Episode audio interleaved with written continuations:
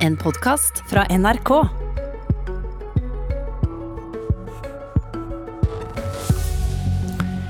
By og land, hand i hand. Eller bygd mot by og mann mot mann. Kanskje er det blitt nord mot sør, og kanskje var det bedre før. Velkommen til eh, et politisk kvarter der ambisjonen er å vise at alt henger sammen med alt. Og hvis du henger med hele sendinga, skal vi fortelle om et lite politisk jordskjelv som du trolig ikke har fått med deg. Bygd mot by er det første spørsmålet. For Senterpartiet vil i sitt nye program gå inn for det de kaller bygdevekstavtaler. Det er en politikk som vil gå utover byvekstavtalene, advarer Høyre. God morgen, Marit Arnstad. Ja, god morgen. Du leier arbeidet med stortingsprogrammet for neste periode i Senterpartiet. Byvekstavtaler det er samarbeidet mellom staten og de største byene om finansiering av miljøvennlige transportløsninger. Hva er bygdevekstavtaler? Jo, det er jo sånn at eh, det er, det er et veldig stort behov for nye verktøy i distriktspolitikken.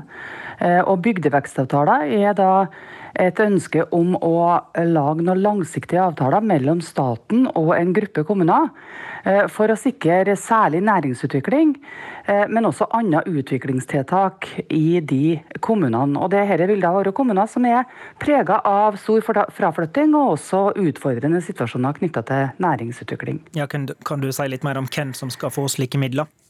Nei, altså ikke eksakt. men fordi Det skal jo være kommuner som da søker og forhandler med staten.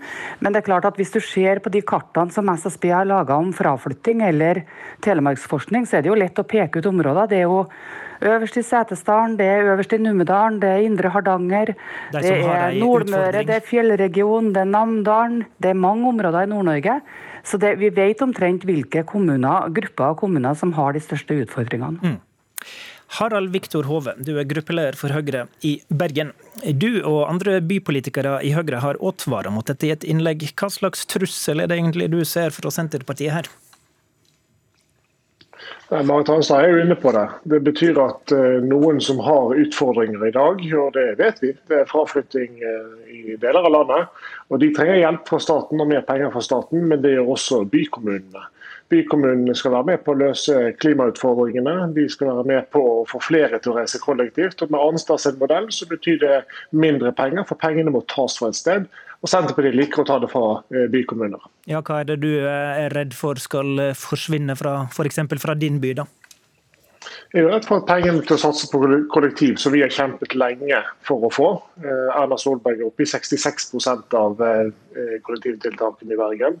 Mot eh, den rød-grønne regjeringen som Marit Arnstad sitt parti var en del av, som bare bidrar med 8% Og Da betyr det at det blir mindre kollektivreiser og mindre kutt i klimautslippene, som vi trenger mer av fremover, med Senterpartiets politikk, dessverre. Arnstad, kommer bygdevekstsatsinga i stedet for byvekstavtaler? Nei, det gjør det jo ikke. Eh, altså, det kan komme til å ligge en viss omprioritering, men fortsatt så vil det i alle fall ligge fire ganger så mye til byvekstavtaler som det det gjør til bygdevekstavtaler. Så det å si at det går på bekostning av byvekstavtalene, det gjør det ikke, selv om det kanskje tar litt av toppen av en samla satsing. Ok, Men litt, litt av toppen, dere skriver jo selv i hjemmesideartikkelen om bygdevekst at samtidig skal den samla ramma for byvekstavtaler reduseres. Så da, da snakker vi vel om ei dreying av ressursbruken uh, her, som du er inne på? Jo, men samtidig så vil det som jeg sier, fortsatt ligge fire ganger så mye eh, igjen til byvekstavtaler som det du vil kunne sette inn til bygdevekstavtaler. Men jeg syns det her er nokså forutsigbart fra Høyre, fordi Høyre har ingen nye ideer når det gjelder distriktspolitikken. De er egentlig ikke veldig opptatt av distriktspolitikk.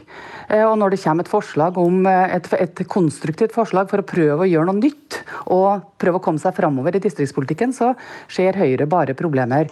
Jeg tror at vi burde sette oss ned og se på muligheten for å kunne prioritere denne type bygdevekstavtaler, for det er et kjempestort behov utover i landet, og det er mange behov som kan løses, og som kan bidra til ny utvikling og ny framtidstro i distriktene. Hove. Det blir ingen eh, omprioritering, som Hansa så, så, pent kaller det. Det blir kutt. Eh, og Det blir heller ikke noen bygdevekstavtale når man skal sitte i regjering med MDG. Så det er jo Arnstad som må sette seg ned med disse samarbeidspartnerne sine. Mitt problem er jo at Arbeiderpartiet har her lovet å øke pengene til byvekst. Nå lover Arnstad å omprioritere noe som er politikerspråk for kutt. Mm. Og Det betyr at da er Bybanen i Bergen som ikke blir bygget. Eh, det betyr at det blir færre kollektivreisende. Det blir også vanskeligere å nå klimamålene, som også Senterpartiet er opptatt av å nå. Og da blir mitt spørsmål til, til Arnstad, Hvor store omprioriteringer snakker han om, og hvor skal de gå? For I Bergen så er det en byvekstavtale. Den gjelder Bergen, men den gjelder også fylkeskommunen, som hennes parti, eh, partikollega Jon, Aksel Askeland er med på å styre. Det gjelder Alver kommune, som er nabokommunen til Bergen. Askøy, eh, Øygarden, Bjørnafjorden. Det er altså flere kommuner enn bare Bergen. Det er ikke en storbypakke, dette. Dette handler om å løse hverdagsutfordringen til bergenserne og byregionen vår, sånn at vi får klimagassutslippene ned og kollektivreisene opp. Arnstad. Altså, vi, jeg skjønner at Hove er veldig bekymra for eh, Senterpartiets forhold til våre samarbeidspartnere. Vi skal nok klare å diskutere med dem. Eh, og Hvis de skulle være veldig imot å foreta en viss omprioritering, så har jo vi et handlingsrom som Høyre ikke har. Vi har nemlig de 13 milliardene som Høyre skal bruke til å fjerne formuesskatten, som kan brukes til bygdevekst i stedet. Og Det har vært en utmerket idé dersom det blir vanskelig å ta toppen av bygde, byvekstavtalene. Men jeg tror vi kommer til et punkt der også samferdselsministeren i HVs egen regjering eh, nå sier at du må redusere noe av ambisjonene knytta til det Eh, det som er inngått på samferdselssektoren. Og jeg tror også at byvekstavtalene kommer til å bli omdisk omdiskutert. Og det å ta toppen av dem kommer til å være et tema som blir eh, tatt opp, fordi du har nådd et metningspunkt både når det gjelder bompenger, bompengeandel, men også når det gjelder ambisjonene og skal vi si, det grandiose i enkelte av prosjektene.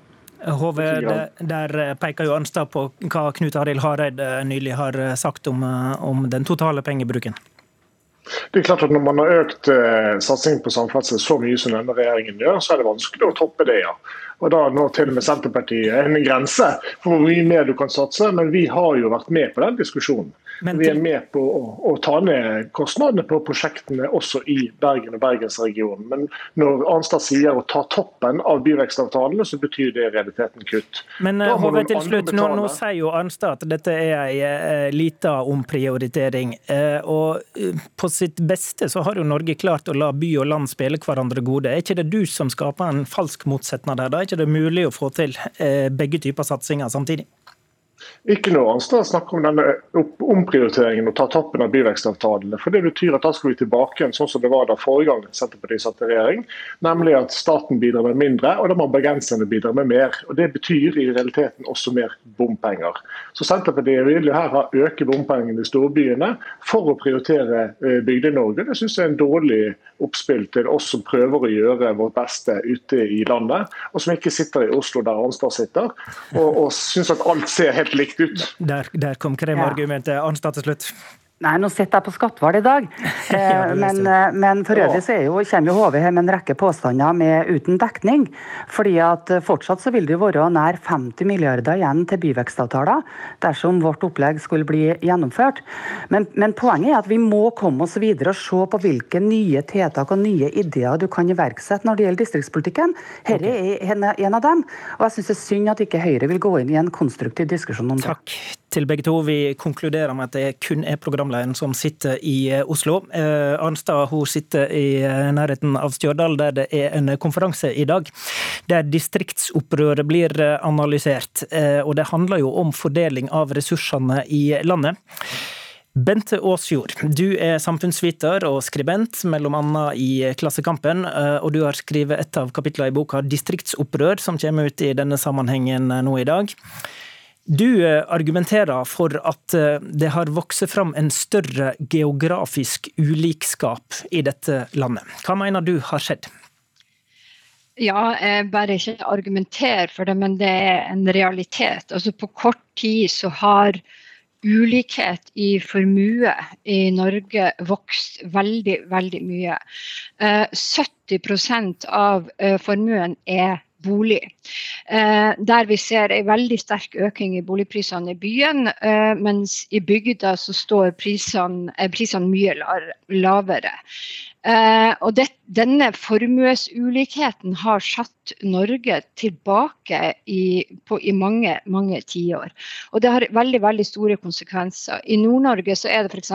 bare sju byer eller steder der snittprisen i bolig er over 2,5 millioner. Eh, det betyr at det er både ulønnsomt og risikabelt å bygge bolig i store deler av landsdelen. Eh, og det fører til boligmangel i distriktene. Det svekker mobiliteten i arbeidsmarkedet. Eh, og dette er også en ulikhet som går i arv.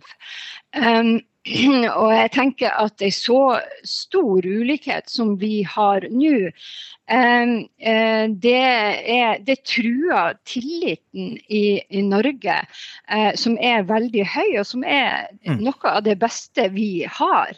Og så og, hører vi at du har, du har ståstad i nord. Du har skrevet mye om fiskeripolitikk opp igjennom, og du mener også det er en sammenheng mellom det du nå har skildra med boligmarkedet og fiskeripolitikken. Kan du forklare? Eh, ja, altså Det er ikke en sammenheng, men dette er to ting som skjer samtidig. Altså Norge er ni, verdens niende største fiskerinasjon uten laks. Og Derfor så er fiskerettigheter veldig mye verdt. Eh, men fiskerettighetene er privatisert eh, og deregulert. Og det har flyttet flytta fiskerettigheter fra liten til stor eh, og fra nord til sør. Og Det var jo dette som Riksrevisjonen visste så tydelig, men denne rapporten drukna jo i skyggen av eh, Tangen-saken. Eh, og det er nettopp de mange rurale kystkommunene på kysten som er tapt for eh, fiskekvoter.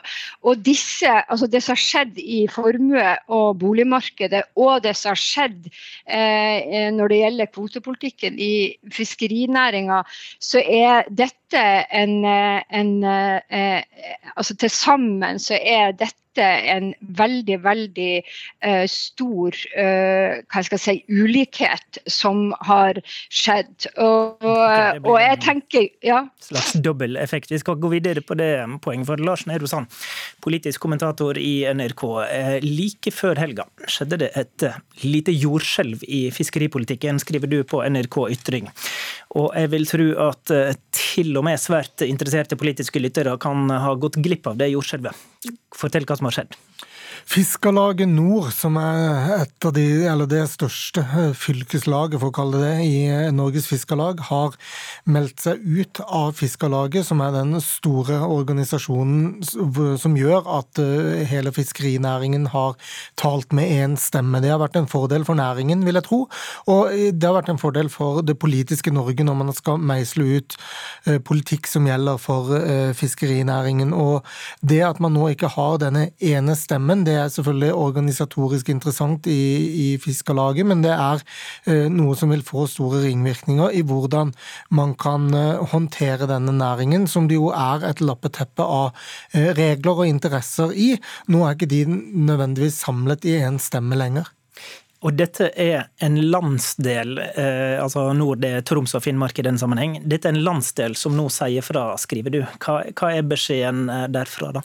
Men den er jo langs de linjene som Aasjord beskriver. Det handler om at eh, man ser seg lei av at eh, makt og rikdom er flytta i form av kvoterettigheter fra mindre båter til større båter, fra nord til sør, fra kystfiskerne til eh, de store trålrederne. Og man har vel både gjennom Riksrevisjonen og en rapport som ble utarbeida til dette årsmøtet til Fiskarlaget Nord nå, fått dokumentert det som lenge har vært en følelse på kaia, men som nå blir da eh, skrevet ned sort på hvitt av uavhengige eh, granskinger, for å kalle det det. Dette skal opp til høring i Stortinget om kort tid, og da vil jo den debatten eskalere et år før valget. Åsjord, i en distriktspolitisk dimensjon, hvor viktig tenker du dette er? Ja, dette er Altså, det er jo, det er jo et jordskjelv i fiskerinæringa som har skjedd nå. Men det, Fiskarlaget er jo ikke det eneste fiskeriorganisasjonen. Du har også Norges Kystfiskarlag, som ble etablert da torskebestanden holdt på å kollapse i, i, på slutten av 80-tallet. Mm. Eh, så jeg vil jo tro at flere av disse fiskerne eh, eh, kan melde seg inn, kommer til å melde seg inn i Kystfiskarlaget. Det vet vi ikke hva som skjer. Det er også et stort spørsmål nå hva som skjer med Nordland fylkes fiskarlag, som er det største sjarklaget i Fiskarlaget. Tida går fra, så, så vi får la de spørsmålene bli hengende i lufta. Åsjord, takk for at du var med. Takk til Lars Nehru Sand i programlederstolen, Håvard Grønli.